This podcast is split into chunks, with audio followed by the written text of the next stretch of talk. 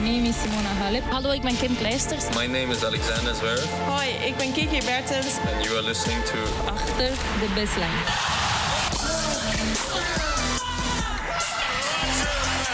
Your champion, Novak Djokovic. Dit is Achter de Baseline. Vanuit Flushing Meadows. Met Abe Kuil en David Avakian.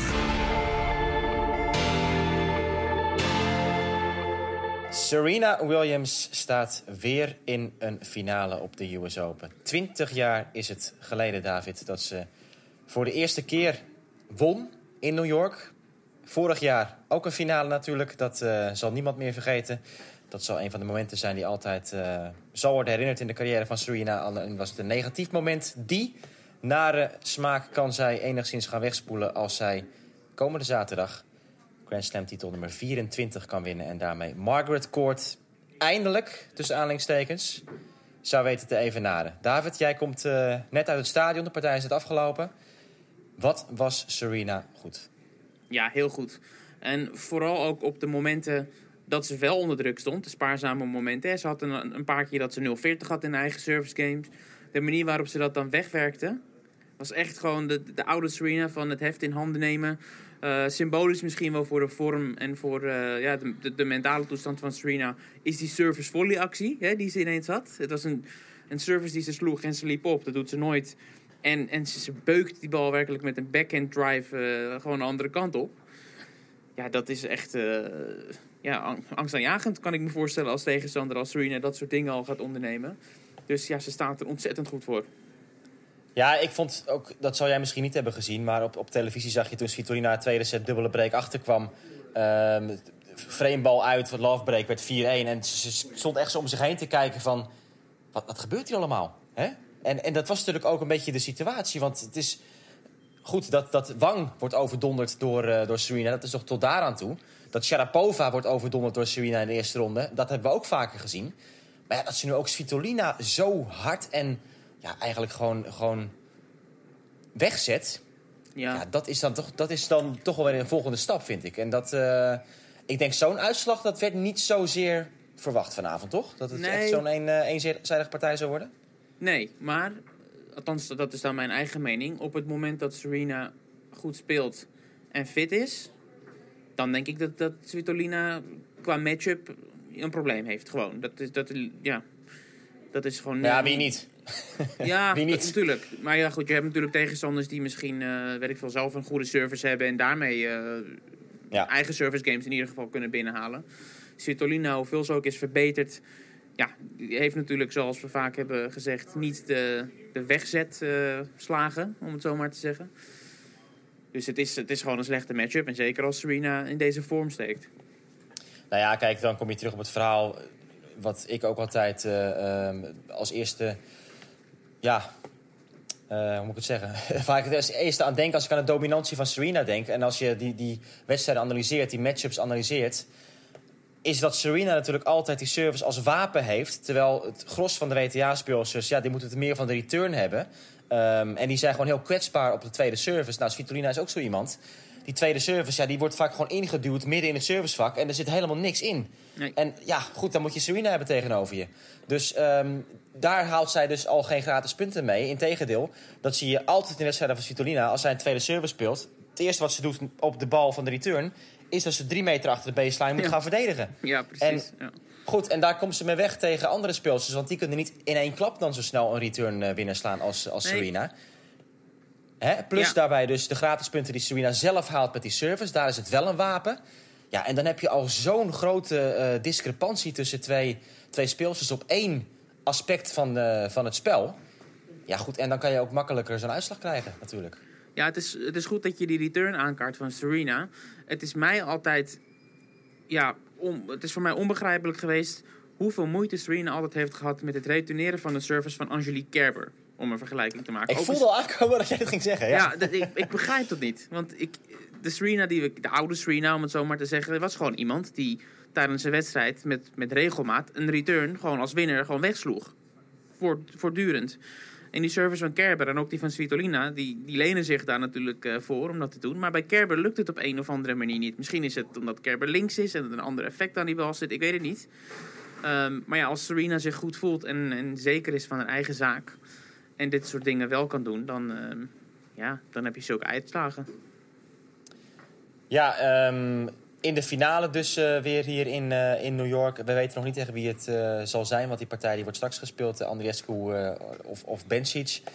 Ehm, ja, ik zat net ook. Ik heb, ik heb eerder vanavond het commentaar gedaan bij de dubbelspel halve finales. En ik reed terug in de, in de auto. En ik zat er gewoon weer een beetje na te denken over 24 Grand Slam titels gaan winnen. Hè? En of eh, Nadal misschien 19 dit weekend. En als je, dat, als je dan gewoon nadenkt. Er zijn vier Grand Slam titels in een jaar. Dan moet dus een speelster zes jaar op rij alle Grand Slams winnen. om aan dat aantal te komen. Ja, dat Ja. Is het, om het in perspectief te plaatsen, dat het natuurlijk zo, zo ongekend is. En, en waarschijnlijk gaan we dit gewoon niet meer meemaken eh, eh, in ons leven. En nu heb je dus die hele club bij elkaar. Ja, ik, ik, ik kan het niet genoeg benadrukken, want goed, je hoort allerlei geluiden van laat het nou eens eh, eh, vernieuwen, de sport, et, et cetera. En, en dat roept iedereen nu. Maar als over twintig jaar, als je terugdenkt aan deze tijd, dan denk je van goh, Ja, ja, het had, het, het had misschien toch wel mooi geweest als het nog langer had geduurd. Weet je? Dit, dit is toch zo uniek. Dit wil je toch dat dit zo lang mogelijk wordt uitgemolken. ja eens. En, en om, om op, voor te gaan eh, op, op die cijfers die je noemt. Iemand anders die beschreef het ook heel mooi toen Serena eerder deze week aan haar honderdste wedstrijdzege kwam op de US Open. En om dat dus eh, ja, te illustreren, je kan er maar zeven per jaar winnen op de US Open. Dus als je dat bij elkaar optelt, is ook met Natal en met Federer natuurlijk dat al die cijfers inderdaad eh, af en toe zo naar boven komen. Het is, het is complete waanzin. En ook als je kijkt naar de momenten dat ze wel verliezen op Grand Slam toernooi, dan begin je pas te begrijpen hoe moeilijk het eigenlijk is om zo'n toernooi te winnen. En om dan te beseffen dat zij er 24, 20, 19, 18, het is, ja, wat je zegt, het is eh, te gek voor woorden. En dat het allemaal tegelijkertijd in één eh, tijdperk plaatsvindt. Koesteren. Ja, twintig jaar terug dus in eh, 1999 won Serena nog eerder dan haar zus. Hè, won ze haar eerste Ja. Grand Slam titel. En eh, goed, in die tijd speelden ze nog tegen, tegen Monica Seles onder andere. Daar kwamen nog beelden van bij in, in Gameset de Mats van de Week. En eh, de- Kim Kleisters begon ook net aan haar carrière, weet je wel. Die zat ook nog eh, de- compleet in de marge, onbekend. En, en eh, goed, ja, het is, Ja. het is gewoon allemaal niet, niet te geloven. Ehm, wanneer vond jij dat Serena zo goed heeft gespeeld? Want dat was ook een, een, een vraag die een beetje in mijn hoofd rondzong. Want ik vind het wel echt, echt machtig hoe ze wedstrijd in wedstrijd uit... zo'n beetje hier gewoon staat te tennissen. Nou, ze heeft de afgelopen twee jaar sporadisch zo'n wedstrijd gehad. Dat ze echt haar topniveau bijna haalde. Eh, maar dat weet ze nu dus voor het eerst herhaaldelijk te laten zien. Eh, maar anders, om zeg maar structureel de top Serena eh, te vinden... moeten we misschien terug naar het laatste Grand Slam toernooi dat ze heeft gewonnen. Toen ze, toen ze al zwanger was, hè, leerden we later. Dus dat is de Australian Open 2017. Ja.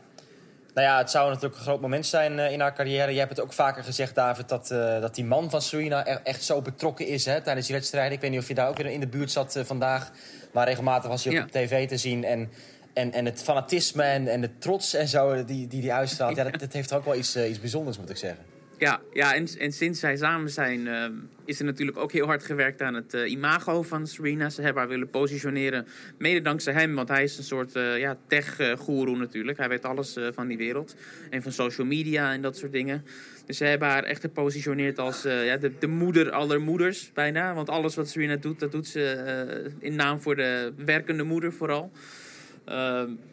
Dus ja, dat is, dat is een heel, eh, heel ding geweest. En ik, ik heb natuurlijk veel contact met Amerikaanse collega's hier ook. En het is interessant om de vergelijking te trekken van hoe Serena in de Verenigde Staten wordt gezien en hoe daarbuiten. Want eerlijk is eerlijk, in Europa en ook in Nederland heeft zij niet die, die heldenstatus als ze hier heeft. Zeker in de Verenigde Staten is zij veel groter dan, dan, dan de tennissport. Zij is echt gewoon een, een, een Amerikaans icoon. Ja, absoluut. We gaan eh, de finale later voorbereiden natuurlijk. Als we weten wie de tegenstander wordt eh, van Serena Williams. Laten we nu even doorschakelen, David, naar eh, ehm, ja, de mannen natuurlijk. Hè? Want eh, de, onze luisteraars die, zullen zich verheugen op de halve finales bij de mannen vandaag. Die beginnen om 10 uur Nederlandse tijd. Hadden we genoemd? Grigor... Hadden we genoemd Nou. dat wat de andere halve finale is? Bij de vrouwen? Andres Kubencic, ja, die moet nog worden, worden gespeeld. Dat, ja. ja, zeker. Ehm, dus de halve finales bij de mannen. Om 10 uur eerst eh, is Dimitrov in actie tegen Daniel Medvedev. En we moeten toch misschien nog wat meer over Dimitrov eh, eh, praten, David. Want ehm, het is natuurlijk toch bijzonder wat hij laat zien. De- vorig jaar was hij nog nummer drie van de wereld. Had hij de, de ATP-finals gewonnen eind 2017. En, en dit jaar eh, natuurlijk door de schouderproblemen is hij lang afwezig geweest. Hij had ook nooit verwacht dat hij hier natuurlijk in die halve finale zou staan. Maar dit geeft zijn hele jaar weer een, ehm, ja, een, een andere outlook, hè, zeg maar. Het, het redt gewoon zijn seizoen op deze manier. En ik vond het wel leuk om te lezen dat Dimitrov ehm, ja, van zichzelf in elk geval vindt dat hij echt, echt ontzettend veel geeft buiten de baan. En dat hij, dat hij voor zichzelf het gevoel heeft van ik doe meer Ja. werk dan andere spelers. Ehm, en dat vertrouwen heeft hij dus ook als hij op de baan staat. En dat was ook een beetje tegen Federer zo. Hè? Dat hij wel dacht van, ook na het verliezen van de eerste set... Nou, ik weet wat er fout is gegaan en ik weet, ik, ik, ik hou het wel vol. En, en, eh, hè, en dat vlak komt het wel goed. Ja, goed, het is altijd makkelijk praten als je hebt gewonnen zo'n partij. eh, zeker omdat Dimitrov natuurlijk in het verleden vaker wel ehm, een bepaalde air heeft gehad. Maar ja, op de baan Ja. dan toch eh, eigenlijk het tegen- tegenovergestelde liet zien. Maar ja, is het een andere Dimitrov nu, David? Ehm, qua tennis bedoel je? Of qua, qua- Nou ja, qua persoon, qua alles. Qua, nou, qua, ik, ik, eh, ik wil het eigenlijk op, op de persoon Dimitrov wel even inzoomen. Want ja, hij is een ontzettend leuke, vriendelijke, normale kerel. En hij heeft natuurlijk door de jaren heen alle reden gehad om, ja, om een arrogantie te hebben. Hij is natuurlijk al heel vroeg eh, eh, ge- gepositioneerd als, eh, als, als de nieuwe Federer en baby Federer en weet, weet ik wat allemaal. En- ja, en daar wilde hij heel snel niks van te hij wilde, heeft er weten, altijd afstand, het, afstand van genomen, ja. Ehm, maar, maar ja, hij is wel altijd in de positie geweest dat, dat hij een soort arrogante kwal had kunnen worden. Hij had, hij had een soort Zverev misschien wel kunnen worden, maar hij is dat nooit geweest. Hij is altijd hartstikke normaal gebleven. Ook de verhalen die, die, die, die stroomden binnen eh, nadat hij die halve finale haalde. Van allerlei anekdotes van hoe, hoe normaal hij eigenlijk is. Ook Ehm, hele, hele bescheiden, onbekende vriendinnen heeft hij altijd gehad. Hè? Ik bedoel, eh, Maria Sharapova en... eh, hoe heet ze? De Pussycat Doll. eh eh, Nicole Scherzinger. Nicole Scherzinger. Ja, ja. Ja. Nou ja, goed, hij heeft gewoon een, een bepaalde smaak eh, van dames. Ehm, Maar ik onderbrak je. Ga door met je verhaal. nee, nee, maar dat, dat, dat is misschien wel, wel belangrijk om, eh, om te benadrukken. Dat, het is echt iemand die gewoon keihard heeft eh, gewerkt zijn hele leven. En ook alle reden had om gefrustreerd te raken... eh, omdat al het werk ja, eigenlijk weinig opleverde. lange tijd. Althans niet opleverde wat van hem verwacht werd... en wat hij van zichzelf verwachtte. En hij is nooit geknapt. En hij heeft nooit, ook, ook in die persconferenties, als hij elke keer weer dat baby Federer verhaal tegengeworpen krijgt. Uiteraard, hij is altijd teleur, teleurgesteld als hij daar weer over moet praten. Maar hij is nooit, eh, ja, heeft nooit een uitbrander of zo uitgedeeld aan iemand die daar weer over begon.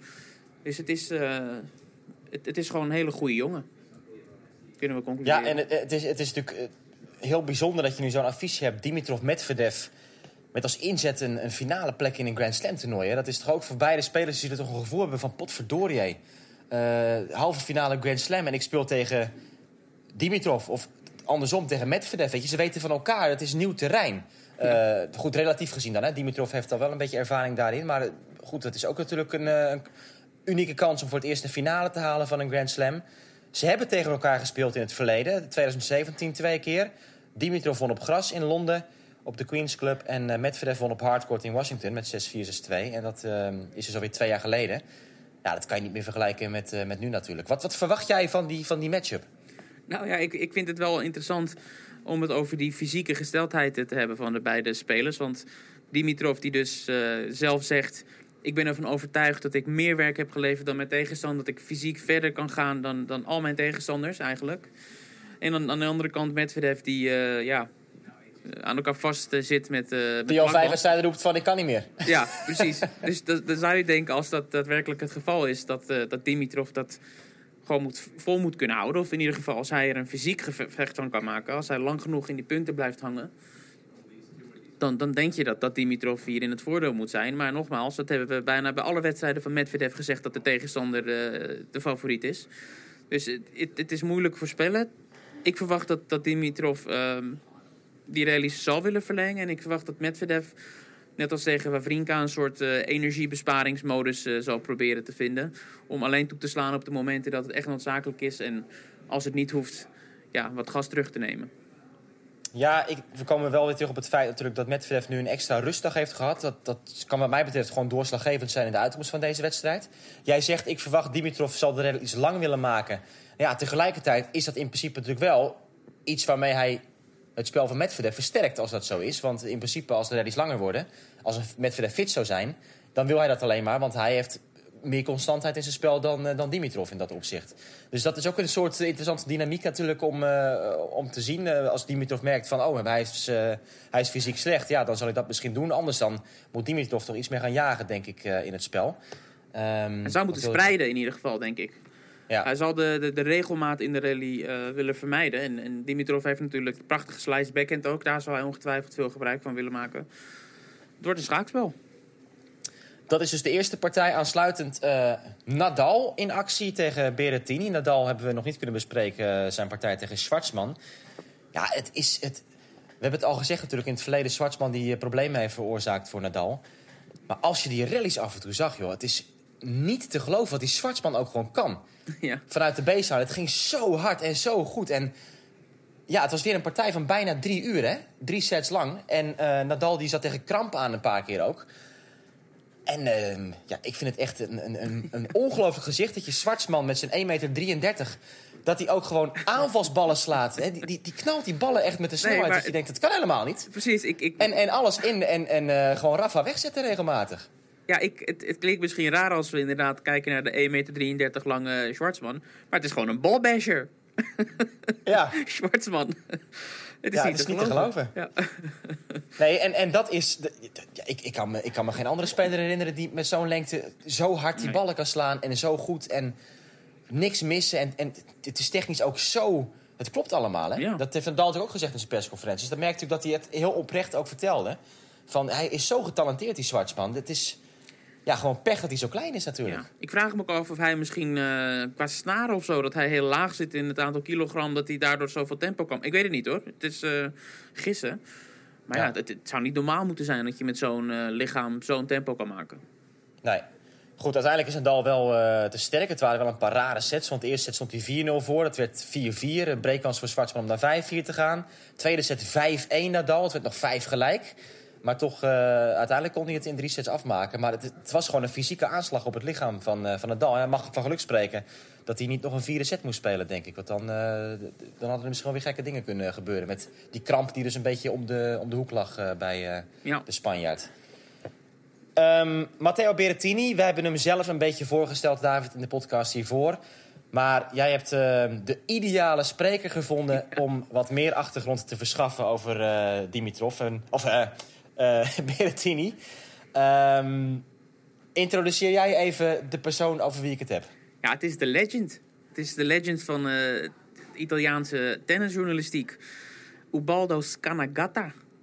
Ook een prachtige naam natuurlijk, zoals veel Legendarische Italiaanse naam ook, ja. namen. Legendarische naam. En iedereen kent hem in de tenniswereld. Alle spelers kennen hem, omdat hij altijd eh, persconferenties eh, in rep en roer brengt met, eh, met de meest vreemde vragen of de meest gedurfde opmerkingen, ook richting de dames. Maria Sharapova heeft al de nodige eh, flirtacties moeten doorstaan van eh Ubaldo door de jaren heen. Als je op YouTube intikt Ubaldo Scanagata, nou, dan krijg je een hele lijst aan allerlei eh, voorvallen en persconferentiemomenten. En is op Twitter verschenen deze week allerlei samenvattingen van, van onderrondjes eh, tussen Ubaldo en Nadal en Ubaldo en Federer die elkaar eh, de maat nemen. Dus neem vooral de moeite, luisteraar, om, om daar eens naar op zoek te gaan. Maar ja, ik sprak hem dus over Matteo Berrettini, zijn landgenoot. En ik vroeg hem de simpele vraag, wie is Matteo Berrettini? En toen ging Ubaldo eventjes ja, met het volgende betoog eh, aan de haal. Dames en heren, de legendarische Ubaldo. Daar komt hij. Well, uh, Matteo Berrettini is a boy of 23 years old who comes from Rome and uh, is coached by since uh, nine years by the same guy, Vincenzo Santopadre. He wasn't a top junior in the Italian rankings. You should think that uh, just four years ago he, he was still looking for the first ATP points, and he went to Antalya to play a challenger in Turkey with Sonego, by the way, who is now in the top 50. So he was always quite tall. Uh, he had uh, he has always had uh, a big big forehand and uh, and serve uh, and against Monfils he was able to serve uh, four hours in a row without making all the double faults that Monfils has done uh, and which uh, it's quite a solid performance because uh, if you think that it was his first uh, quarters of finals first time on the uh, Arthur Ashe Stadium.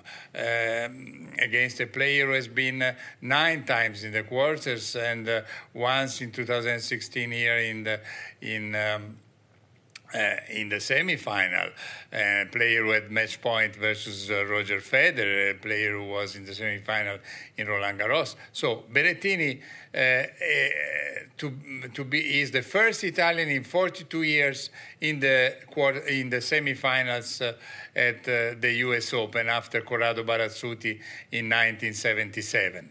Uh, it's a great performance, even if he was already in the last 16 in Wimbledon when he played uh, Roger Federer, who was his who is his idol, and he lost very badly there. It was 6-1, 6-2, 6-2, and uh, well, which. Uh, in a way, was almost uh, unexpected because uh, with the serve that uh, Berrettini, who is tall, uh, one meter and 96, uh, uh, we were expecting that even then he would have uh, uh, held his serve much more. But anyway, he's a, he's a, a very nice guy, very well educated, on court and off court, modest. Well, he- he's a handsome boy, which doesn't bother. I mean, uh, he, that, that's maybe one of the reasons why the Croatian Ayla Tomljanovic uh, is dating him. And uh, uh, what can I say? Is uh, uh, you know he has sense of humor. Uh, and uh, the, his strength is on is not only the serve and the forehand, but also he has a good touch, good hand. Uh, so he plays good uh, um, uh, drop shots, and uh, uh, is solid. Uh, and I would say that uh, also mentally quite strong because I mean it wasn't easy to to overcome uh, four match points missed uh, versus Monfils, who is much more experienced, and he was able to do it. I mean, um, big, big, great, great effort, and uh, we are pleased. And then, uh, you know, when Barazzuti and Panatta were the best Italian players in the in the 70s, uh, were strong. And to, to Panatta won a slam in, in Roland Garros in 1976. Uh, well, Panatta was 26. Berrettini is only 23. And so he has a margin of progress. He's, uh, he's learning a lot. He is mo- mod- humble enough to, to, to, you know, to learn, uh, to, to uh, listen. And so, uh, I mean, we, we are happy about, about him. And we also think in Italy that he's not the only one. Because I think in two years you will hear a lot uh, to talk about Sinner and Musetti and Zeppieri, three, three juniors, all 18, uh, who are one, be- uh, one better than the other one. So I believe that the, result of Berrettini will give uh, uh, also boost to, to them too, because once you see that someone is capable to do good things, uh, many people follow. Ja, het is natuurlijk ook prachtig als je dan over een Italiaanse speler ehm, iemand hoort praten met dat echte Italiaanse accent. Oké, je komt helemaal in de sfeer van, eh, van eh, Matteo Berrettini. En eh, Ja. nou ja, goed. Ja, Het je moet je ook, ook Het is, voorstellen, in, persconferenties gaat hij dus altijd op de eerste rij zitten. Altijd dat de speler hem opmerkt, heeft altijd het petje op van zijn, van zijn journalistieke website in het groen. Ja, het is een wonderlijke figuur. Ja, dat zijn de twee halve finales. Ehm, de match-up Nadal-Berrettini dan ook even, David. Wat verwacht je daarvan? Het is ook een, een, een nieuwe ja, ontdekking, hè, natuurlijk, voor beide mannen. Nou, ja, eh, oh, om tegen elkaar te spelen. Ja, Bedoel ja. je? Ja, oké, want voor Nadal is een eh, halve finale Grand Slam natuurlijk eh, nauwelijks een eh, nieuw, nieuwe ontdekking. Ehm ja, zeker. Ehm, ik, ik, ik denk op, op zich, als je het gewoon puur naar de tennis kijkt en de, de stijl, zou de manier van spelen van Berrettini best goed kunnen klikken in het spel van Nadal. Grote gast hebben we gezegd, 1,96, harde klappen, eh, sterke voorhand, beetje Del Potro-achtig af en toe. Hij heeft, wat mij opvalt, die, eh, die plotselinge versnelling. Vaak eh, inside-in met zijn voorhand, die uit het niets komt een beetje. Ehm, dus ik, hij heeft zeker wel de wapens om het Nadal lastig te maken. Ik weet niet of, of zijn backhand het vol, vol gaat houden tegen... Als hij bijvoorbeeld in een crosscourt rally met Nadal uh, verzeild raakt... De topspin van Nadal tegen zijn backhand. Dat is natuurlijk een cruciale... Ja, die kan hij ook wel doorhalen hoor, die backhand. Ja. Dat deed tegen Monfils ook wel een aantal keer Ja. eh, goed. Maar ja, ik, ik, denk, ik denk vijf sets, eh, dat, dat, dat is gewoon het verhaal, weet je. Het- Ja. Misschien dat hij in staat zou zijn om, eh, om in een best of three twee sets eh, vol te vlammen en alles te raken. Maar je zag het tegen Monfils ook, het gaat echt nog wel up en down. Dus ik, eh ja, en hij is- me sterk dat hij, eh, dat hij hem pakt. Maar Ja, en hij zal echt gewoon heel goed moeten serveren. Hij, hij moet niet moeten terugvallen op tweede services, want anders komt hij natuurlijk weer snel onder druk te staan. En ja, hij is best flexibel en bewegelijk, maar ik weet niet of hij eh, vijf sets lang eh, verdedigend Nadal echt eh, in de problemen kan brengen. nee, dat sowieso niet. Maar goed, die service is echt machtig en hij kan eh 220, Ja. 230 eh, halen daarmee. Dus Ja. dat, dat zal hij moeten doen. Ja. Ehm, tot zover de mannenhalve finales, David. We moeten nog één ding even corrigeren. Ehm, we hebben nog een, eh, een, eh, iets nieuws geleerd, allebei. Of althans, ik wel. Dat is dat we die naam van eh, Bianca Andreescu... die we Oh ja. weer een paar keer verkeerd hebben uitgesproken... anders moeten gaan uitspreken. Want zij heeft verteld in haar persconferentie... dat ze niet houdt van die, die dubbele E-klank. Ja, Dus zij wil gewoon dat we voortaan zeggen... Bianca Andreescu. ja. Dat zal even wennen zijn. Dat zal nog regelmatig fout gaan, denk ik. Maar dat is dus weer ook de les voor onze luisteraars. Die kunnen nu gelijk eh, heel veel indruk maken bij, eh Nou bij ja, de en, tennisclub. en, en, en wij gaan natuurlijk bij de eerstvolgende wedstrijd eh, van Andrescu... waar jij commentaar bij geeft, gaan wij natuurlijk opletten. En kijken of dat wel goed gaat. Ja, ik doe niet de vrouwenfinale meer, dus dat gaat niet gebeuren. En bovendien, eh, we weten ook niet wat er is gebeurd in die halve finale tegen Brina Bencic. Ehm, dat weet de luisteraar dan wel weer. Die weten, hebben meer kennis dan wij in dat opzicht. Ja. Maar goed, we gaan dus ehm, ja, naar de halve finales kijken bij de mannen. En eh, afwachten of we weer een Big Three persoon in de finale krijgen. Die kans is wel aannemelijk, denk ik. Het, het, het, het zou wel grappig zijn hè? Als, als dat niet gebeurt. Stel hè, dat Berrettini langs Nadal komt. Dat uitgerekend het laatste Grand Slam toernooi van het decennium... zo'n soort eh, ja, om, omwenteling eh, krijgt. Hè?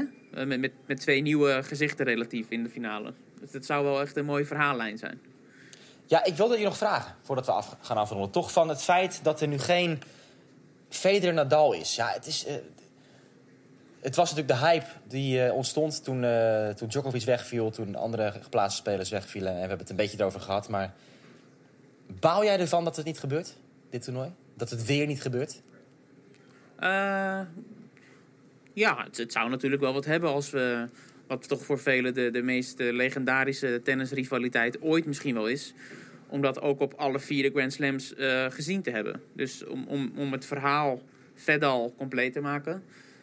had het natuurlijk wel gepast. En het is natuurlijk New York en we hebben aangegeven hoe, hoe, hoe die sfeer hier kan zijn. Zo'n avondwedstrijd, Federer en Nadal. En ik denk dat dat wel een, een, een- boom had kunnen veroorzaken. En eh, ja, ook qua kijkcijfer, kijk, kijkcijferrecords eh, had, had het iets kunnen, kunnen betekenen. Ja, ik, ik vind het wel jammer. Maar ik, ik, misschien is het iets voor de laatste podcast die we vanuit New York opnemen. Ik vind het toernooi zoals het nu verlopen is heel erg leuk. Ik vind het echt een heel leuk eh, toernooi en heel bijzonder. Ja, ik sluit me ook aan wat jij, eh, bij wat jij zegt. Want het, het kan natuurlijk bijna niet zo zijn, Federer en Nadal... dat die gaan eindigen met hun carrières... zonder dat ze ooit tegen elkaar hebben gespeeld bij de US Open. Dat is nauwelijks voor te stellen, Ja. hè? Terwijl, eh, nou ja, goed, Nadal en Djokovic... die hebben overal eh, finales gespeeld tegen elkaar. Ja. En ja, Ja, goed, iemand, iemand die opperde nog eh, de, de grappige suggestie van laten we gewoon ophouden met de US Open en Flushing Meadows en Arthur Ashe. Er moet gewoon iemand opstaan en gewoon een exhibition wedstrijd in Madison Square Garden organiseren tussen Federer en Nadal. Dan hebben we dat ook gehad in New York. Ja, nou ja, goed, dat, dat telt voor mij iets minder, moet ik zeggen. Maar ehm, ja, nou, dit was ehm, denk ik een mooie afsluiter voor vandaag. Eh, we zullen het zien wat het allemaal gaat opleveren met die halve finales dus eh, vandaag bij de mannen. Dank u voor het luisteren. Veel kijkplezier vandaag weer met eh, de partijen op Eurosport. En hopelijk tot snel weer bij ons in Achter de Baseline.